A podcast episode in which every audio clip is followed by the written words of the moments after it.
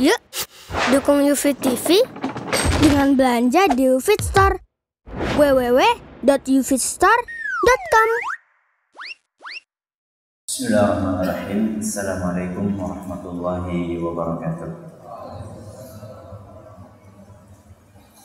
Alhamdulillah wa kafa wassalatu wassalamu ala rasulihil mustafa wa sahbihi wa man ittafa amma ba'd.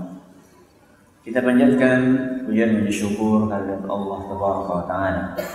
Pada kesempatan malam yang berbahagia kali ini kita masih kembali diberi kekuatan, kesehatan, hidayah serta taufik dari Allah Jalla. Sehingga kita bisa kembali menghadiri pengajian rutin malam Sabtu di Masjid Jenderal Sudirman Purwokerto ini.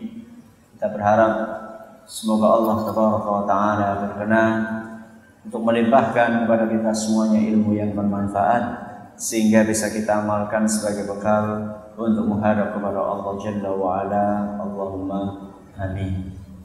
Salam dan salam semoga senantiasa tercurahkan kepada junjungan kita Nabi besar Muhammad sallallahu alaihi wasallam kepada keluarganya, sahabatnya dan umatnya yang setia mengikuti tuntunannya hingga akhir nanti.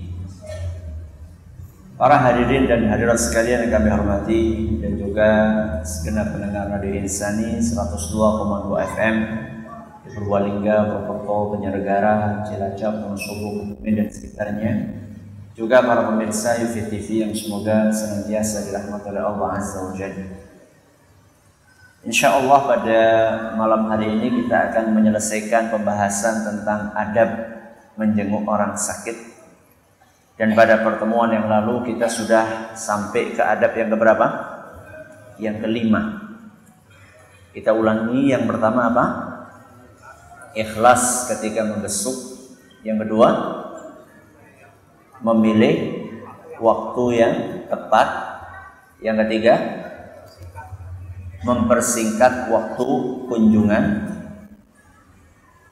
Mohon maaf diharapkan kepada jamaah yang memiliki nomor memiliki mobil dengan nomor polisi B9878 BH apa PN ini B9878 BH eh, mengundurkan mobilnya karena ada yang mau keluar. Yang ketiga apa tadi? Mempersingkat waktu kunjungan. Kemudian yang keempat apa? Mendoakan orang yang sakit. Terus yang kelima menghibur. Malam hari ini kita akan selesaikan dan kita akan langsung bahas dua adab yaitu adab yang keenam dan adab yang ketujuh. Adab yang keenam di antara adab membesuk orang yang sakit adalah memberi arahan dan masukan yang positif. Apa? Memberi arahan dan masukan yang positif. Jadi ketika kita membesuk orang yang sakit, kita berusaha semaksimal mungkin kunjungan kita ini bermanfaat. Jangan malah memberatkan. Maka di antara manfaat yang mungkin kita berikan kepada orang yang sakit adalah kita memberi masukan. Dan masukan yang sifatnya positif itu macam-macam. Bisa jadi masukan positif itu bentuknya adalah kita mengingatkan kepada dia bahwa bisa jadi sakitnya kita itu adalah mungkin merupakan teguran dari siapa? Orang sakit itu kan sering kali bisa jadi karena perbuatan maksiat yang dia kerjakan. Makanya seperti yang beberapa kali pernah saya sampaikan, banyak orang justru setelah sakit itu tambah baik perilakunya. Karena ketika sakit itu kemudian dia banyak merenung. Karena banyak aktivitas yang dia tinggalkan. Makanya para ulama kita dahulu tanpa mereka sakit, mereka sudah merenung.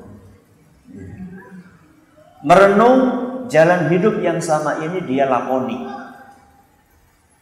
Apa kewajiban agama yang belum saya kerjakan dan apa dosa yang masih saya kerjakan.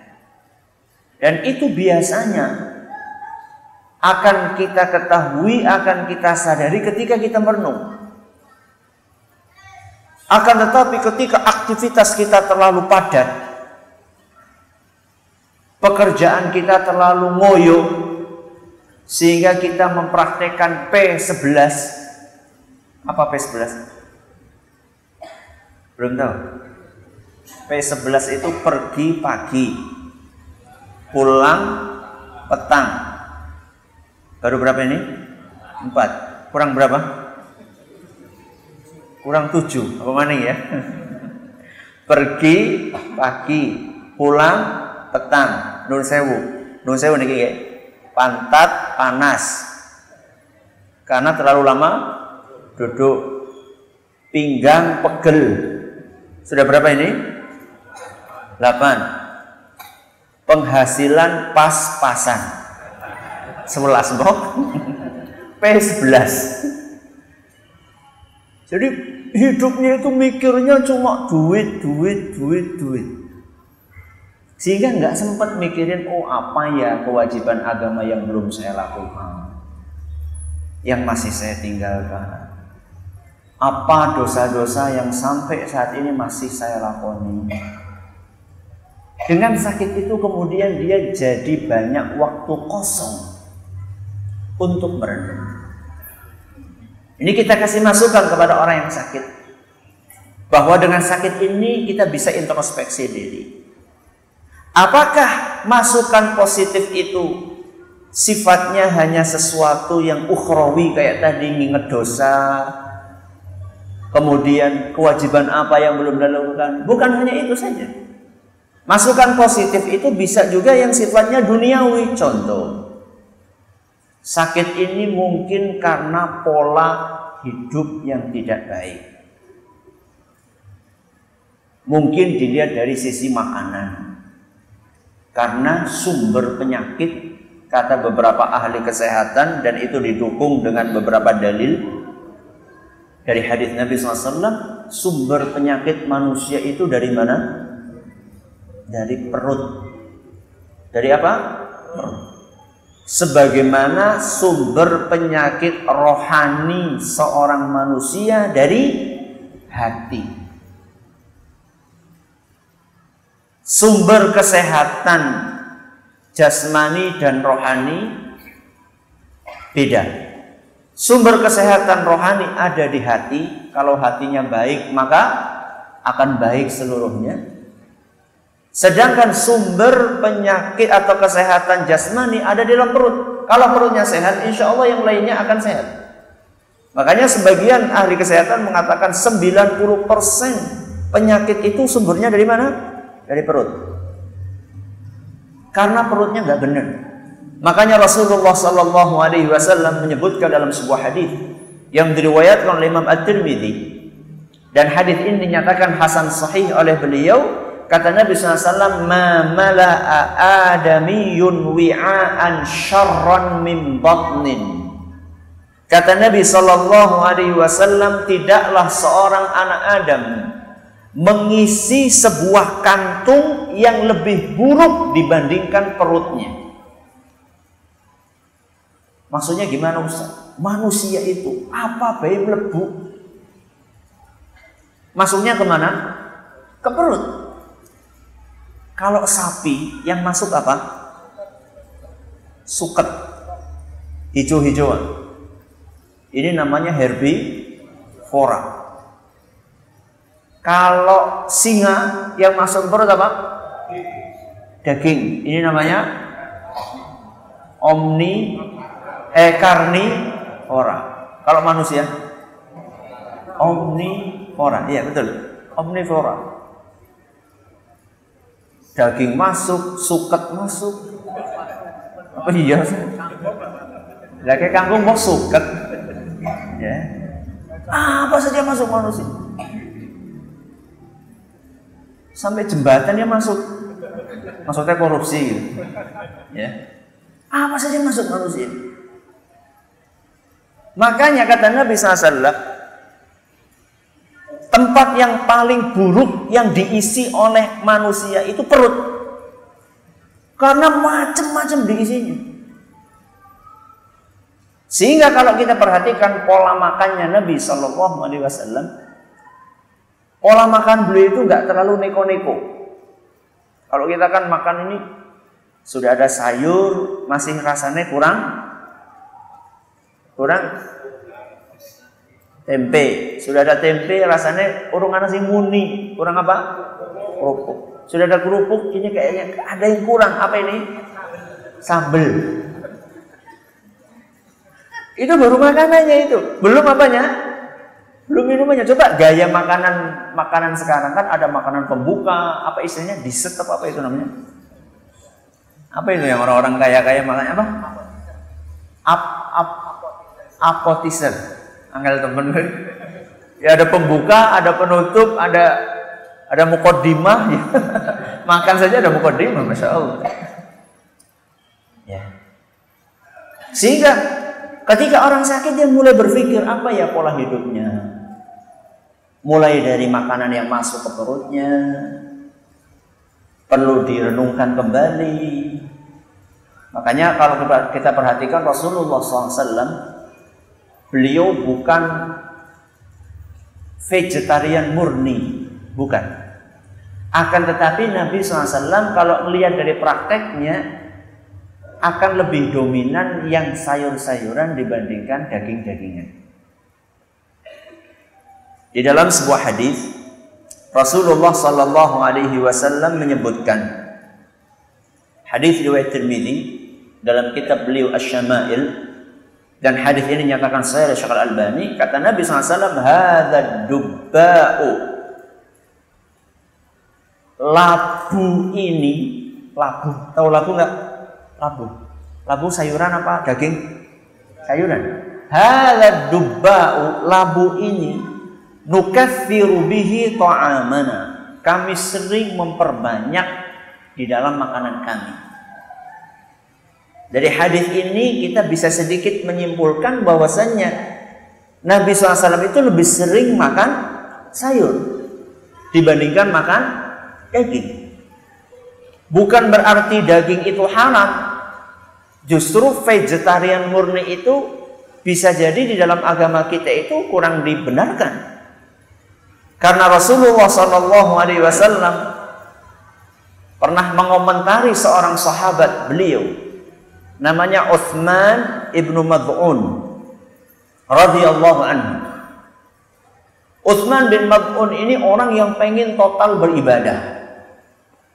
Akan tetapi keinginan beliau untuk totalitas beribadah tersebut mendorong dia untuk maaf minta dikebiri. Dikebiri itu apa? Apa dikebiri? Itu disunat. disunat total. ya bukan disunat cuma diambil dikit tapi dibikin supaya nun sewu tidak bisa melakukan hubungan suami istri. Dia pengen totalitas beribadah tapi dengan cara dikebiri. Kemudian dia pengen mengembara dan mengucilkan dirinya. Entah di gunung, entah di mana. Begitu Rasulullah SAW mendengar keinginannya Uthman ibnu Mab'un, maka Nabi SAW pun melarang beliau. Tidak dibiarkan oleh Nabi SAW melakukan apa yang ingin dia lakukan. Setelah Nabi SAW melarang apa yang ingin dikatakan oleh Uthman ibnu Mad'un, kemudian Nabi SAW bersabda, "Alaisa laka fiyya uswatun hasanah?" Bukankah engkau bisa menjadikan aku ini sebagai teladan yang baik? Alias seharusnya kalau kamu pengen totalitas ibadah, nyontolah siapa? Aku yaitu Rasul Shallallahu Alaihi Wasallam. Setelah itu kemudian Nabi SAW mengatakan fa'ana atin nisa'a. Aku ini juga menikah Gak pernah aku ini mengajari umatku untuk mengebiri dengan maksud untuk totalitas beribadah. Aku ini juga menikah kata kata Nabi SAW. Wa akulul lahma. Perhatikan ini. Dan aku juga makan dan daging. Jadi Nabi Shallallahu Alaihi Wasallam bukan orang vegetarian murni bukan. Ya. Ini disebutkan dalam hadis riwayat Ibnu Sa'ad dan sangatnya dinyatakan bagus oleh Syekh Al-Albani. Bahkan kalau kita perhatikan formatur gigi kita ya, gigi kita terdiri dari berapa? Sekitar 32. Kecuali yang sudah yang sudah ompong. Tapi asli kita gigi orang dewasa itu sekitar 32.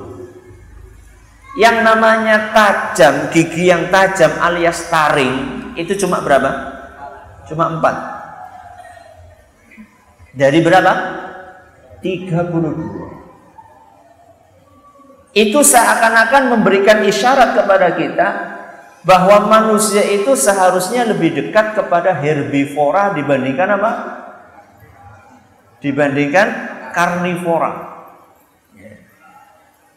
Dibandingkan herbivora kita lebih dekat, eh, dibandingkan karnivora kita lebih dekat kepada herbivora. Taring kita ini cuma empat. Akan tetapi kalau makan itu isinya cuma apa? Daging, cuman dagingnya dibeda-bedain. Ada yang di sate, ada yang di gule, ada yang di tongseng. Jadi intinya itu semuanya daging. Makanya nuwun sewu wajar kalau misalnya kemudian banyak penyakit-penyakit. Nah ini salah satu masukan positif yang kita sampaikan kepada orang tersebut. Ada masukan positif yang lainnya Ustaz ada. Ngasih misalnya masukan, oh ada pengobatan anu, pengobatan anu, tidak apa-apa. Yang penting nggak ngasih masukan pengobatan pergi ke mana? Ke dukun. Nah, itu namanya masukan positif atau negatif? Masukan negatif. Itu orang, ibarat orang sedang berdiri di samping uh, sumur di apa kan diceburkan dijorok ya. didorong supaya masuk ke sumur itu sama saja seperti itu makanya panjenengan waspada juga kadang-kadang di rumah sakit itu ada orang yang keliling keliling keliling keliling nawarin apa pengobatan alternatif tapi maksudnya alternatif kesyirikan ini hati-hati ya.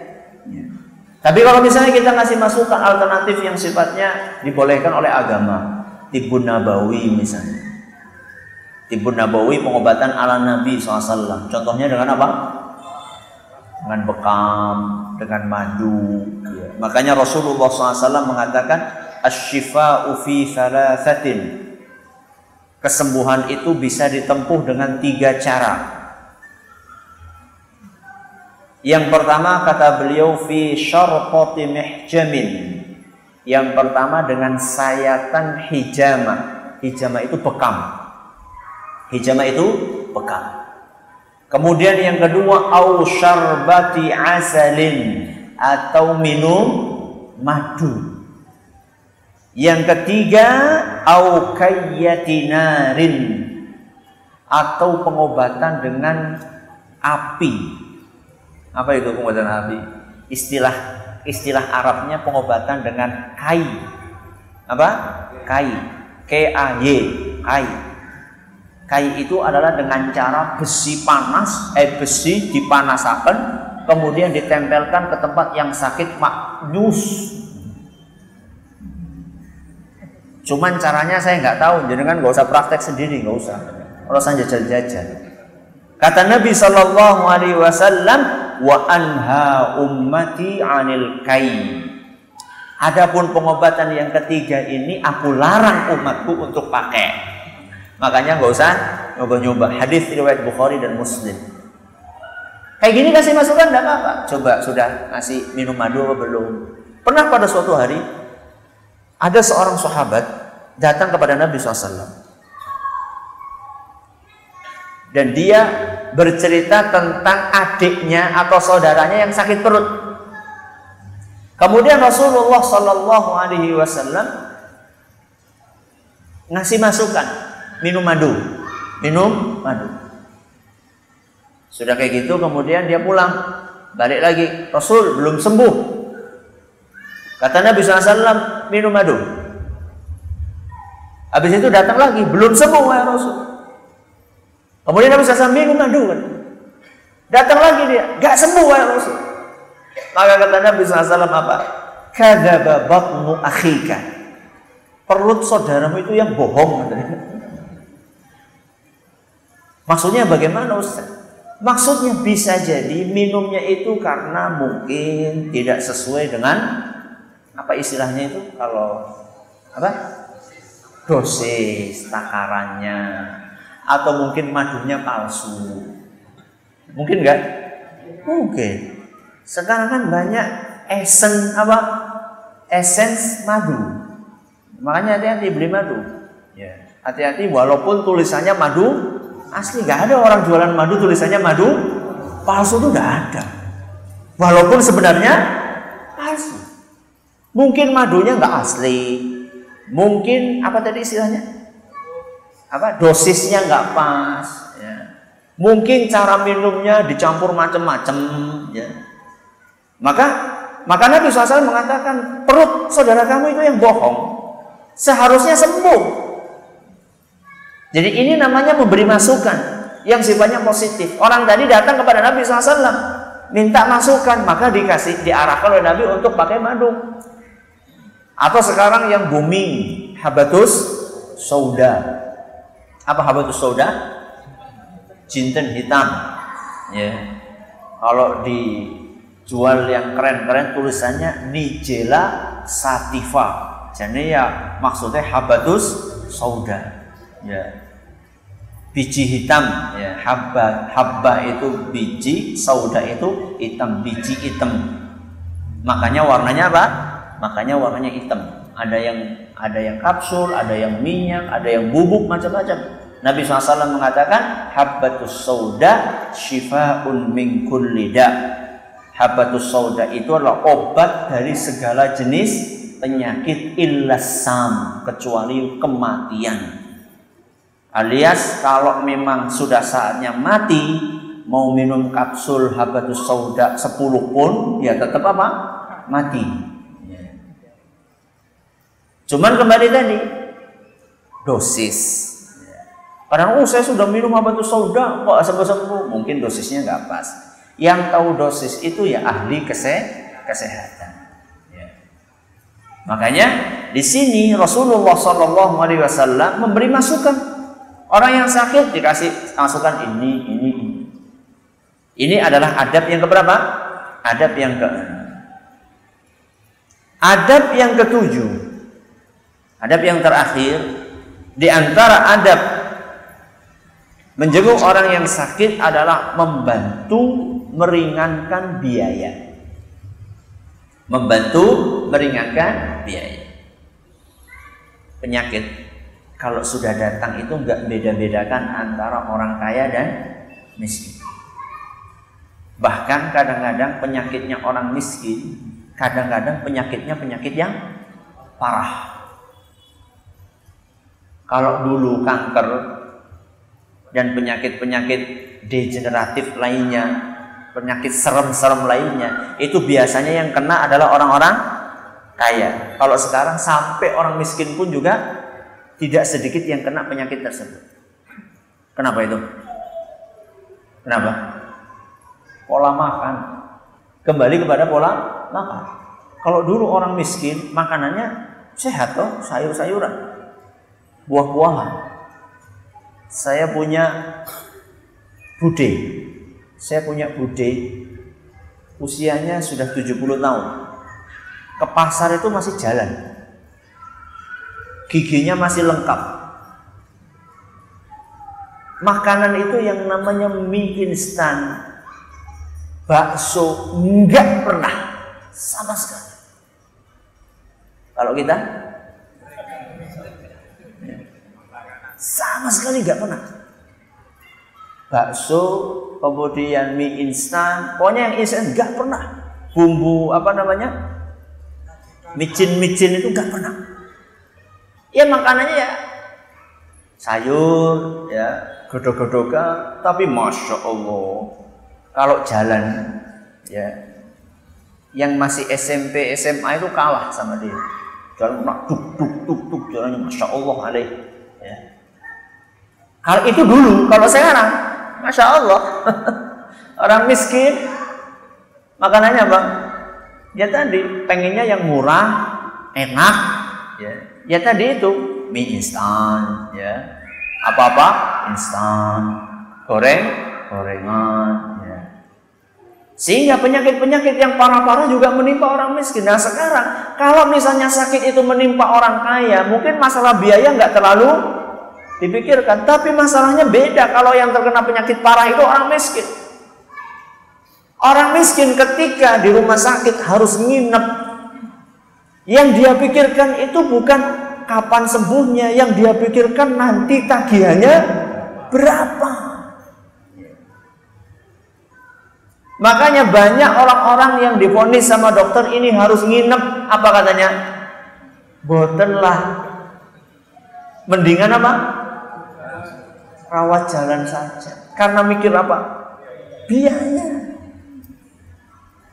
Yang dia pikirkan biaya. Sekarang satu kamar di rumah sakit yang VIP kadang-kadang lebih mahal dibandingkan nginep di mana? Di hotel. Kadang-kadang. Sekarang kalau misalnya ada orang sakit non sewu yang miskin, kemudian kena kanker, dia harus kemo misalnya. Atau maaf, orang kena gagal ginjal, dia harus cuci darah. Sekali cuci darah ngeluarin duit berapa? Nggak tahu saya. ya sekian ratus ribu lah. Padahal dalam satu minggu harus dua tiga kali cuci darah. Bisa bisa dibayangkan. Dia mau ngutang, utangnya sudah di mana-mana. Mau jual barang berharga di rumahnya sudah nggak ada barang berharga. Coba bayangkan posisi jenengan di posisi dia. Maka di negeri kita, alhamdulillah, kepedulian itu terutama di daerah-daerah pinggiran itu masih kental. Iya. Saya bukan bicara tentang daerah-daerah yang individualismenya sudah sangat tinggi. Sampai tetangga mati aja nggak nggak tahu. Apalagi sakit. Ya. Itu kita nggak bicarakan itu. Di beberapa wilayah perkotaan yang subhanallah egonya sudah tinggi-tinggi sekali atau di beberapa negara yang tidak beragama, saya pernah melihat video terekam CCTV Orang ketabrak di pinggir jalan. Sampai beberapa jam orang lewat itu kayak nggak melihat apa-apa. Padahal itu kaki sudah ketelindes truk di pinggir jalan. Orang lewat seliwar seliwar kayak nggak ada apa-apa. Baru kemudian setelah sekian jam ada pengemis yang peduli. Ini saya bukan bicara tentang negara-negara yang seperti itu, yang tidak beragama. Akan tapi saya bicara tentang Masya Allah sekarang di daerah-daerah kita masih Masya Allah. Orang sakit dijenguk, orang sakit dijenguk, sampai kadang-kadang yang sakit sendiri yang tuh gitu ini orang mandek-mandek si besuk. Saking apa nih? Saking banyaknya orang besuk. Dan biasanya mereka besuk bawa oleh-oleh.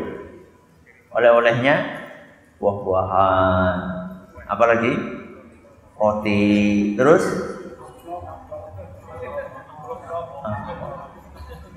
Makanan yang enak-enak gitu kan? Akan tetapi yang amat disayangkan dari sekian buah tangan tadi buah-buahan roti makanan yang enak berapa persen yang dinikmati oleh siapa oleh si pasien Kenapa? Karena orang sakit biasanya makannya nggak nggak enak. Sudah makannya nggak enak, kebanyakan pantangan. Ya, sudah makanannya nggak enak, kebanyakan pantangan, nggak boleh ini, nggak boleh ini, nggak boleh ini. Akhirnya dia nggak bisa menikmati. Maka seharusnya kalau kita membesuk orang sakit itu lebih idealnya. Apalagi yang sakit itu orang miskin, kita kasih apa? sing mentah baik. Aja sing matang alias apa? Duit Alhamdulillahirrahmanirrahim. Assalatu wassalamu ala nabiyina Muhammadin wa ala alihi wa sahbihi ajma'in. Jadi kalau misalnya yang kita jenguk adalah orang yang terutama kurang mampu maka justru yang pas buah tangan kita buat orang tersebut adalah uang amplop ya. karena itu akan banyak meringankan dia yang dia pikirkan saat itu bukan hanya membayar obat saja. Bisa jadi yang dia pikirkan juga transportasi untuk orang yang nunggui. Kemudian juga dia perlu kalau laki-laki memberikan nafkah kepada keluarganya yang ditinggal di rumah. Kemudian juga dia butuh apa-apa di luar. Mungkin butuh nebus ini, nebus itu dan seterusnya. Maka sebenarnya ketika kita membesuk orang yang sakit akan lebih membantu ketika kita kasih uang. Ya. Masalah dia pengen beli apa beli apa terserah. Karena bisa jadi kita ini tidak lebih mengetahui kebutuhannya si sakit dibandingkan dia. Bisa jadi kita membawa sesuatu yang dia tidak tidak butuhkan. Dan ini akan lebih bermanfaat Allah Subhanahu Rasulullah SAW bersabda, "Wallahu fi 'auni al-'abdi ma kana al-'abdu fi 'auni akhi." Allah akan membantu hambanya selama hambanya ini membantu saudaranya. Maka kalau kita merasa kenapa ya kok usaha saya sulit ya. Kenapa kok perjalanan hidup saya ini nggak enak? Segala sesuatu kok terasanya segala sesuatu terasa sulit, gak mudah, maka bisa jadi karena kita ini tidak banyak membantu orang lain. Ini salah satu sebab yang kadang-kadang kurang diperhatikan. Orang berbisnis pikirannya cuma oh saya perlu konsultasi ini dan itu. Iya itu perlu. Akan tetapi faktor X yaitu keberkahan rizki kita itu yang kadang-kadang kurang kita perhatikan. Kepedulian kita kepada orang miskin itu akan membantu kita. Makanya Rasulullah SAW mengatakan innama tunsoruna wa turzakuna bidu'afaikum. Kalian itu mendapatkan bantuan dan rizki lantaran ada orang-orang lemah di antara kalian. Ini yang kadang-kadang kita kurang kurang perhatikan. Mentang-mentang kaya, seakan-akan sudah tidak butuh kepada orang-orang miskin. Anda yang punya perusahaan, butuh karyawan nggak? Butuh. Karyawannya orang kaya orang miskin? Orang miskin. Kalau karyawannya semuanya nggak mau kerja, gimana? Berarti rizki jenengan itu ada lantaran ada orang miskin. Orang yang punya tanah sawah berhektar-hektar, yang garap siapa? Buruh orang miskin. Kalau orang miskin nggak menggarap, sawahnya jadi apa? Jadi tanah yang mangkrak, nggak menghasilkan apa-apa. Makanya Rasulullah SAW mengatakan apa? Inna soruna wa tursakuna bidu'afaikum. Kalian itu dibantu sama Allah. Mendapatkan rizki. Lantarannya salah satunya adalah karena ada orang-orang miskin, orang-orang lemah di antara kalian. Maka jangan sia-siakan mereka. Maka sebenarnya yang perlu berterima kasih itu bukan hanya orang miskin berterima kasih kepada orang kaya karena sudah dibantu, tapi juga seharusnya orang kaya berterima kasih kepada siapa? Orang miskin. Ini paradigma terima kasih ini harus diluruskan. Seakan-akan yang harus DP-DP terima kasih itu hanya orang miskin. Orang kaya juga harus minta harus terima kasih kepada orang miskin. Rizki dia itu salah satu pemicunya, salah satu sarananya adalah orang-orang miskin. Maka di sinilah kita diajarin oleh agama kita untuk peduli dengan orang-orang tersebut.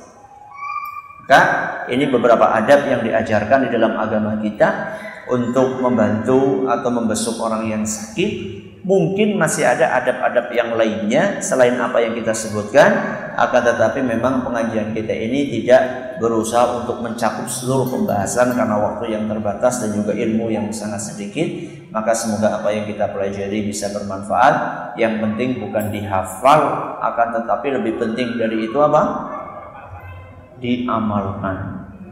Maka ketika membesuk tujuh etika tadi coba dihadirkan di dalam hati, diingat-ingat, kemudian mana yang sudah dipraktekkan, mana yang belum, yang belum silahkan dipraktekkan, yang sudah silahkan dilanjutkan. Kalau ada yang kurang pas silahkan diluruskan. Semoga apa yang kami sampaikan bermanfaat buat kita semuanya. Terima kasih atas perhatiannya. Mohon segala kurangnya. Kita tutup dengan membaca Subhanakallahumma wa bihamdika asyhadu ilaha illa anta. Assalamualaikum warahmatullahi wabarakatuh.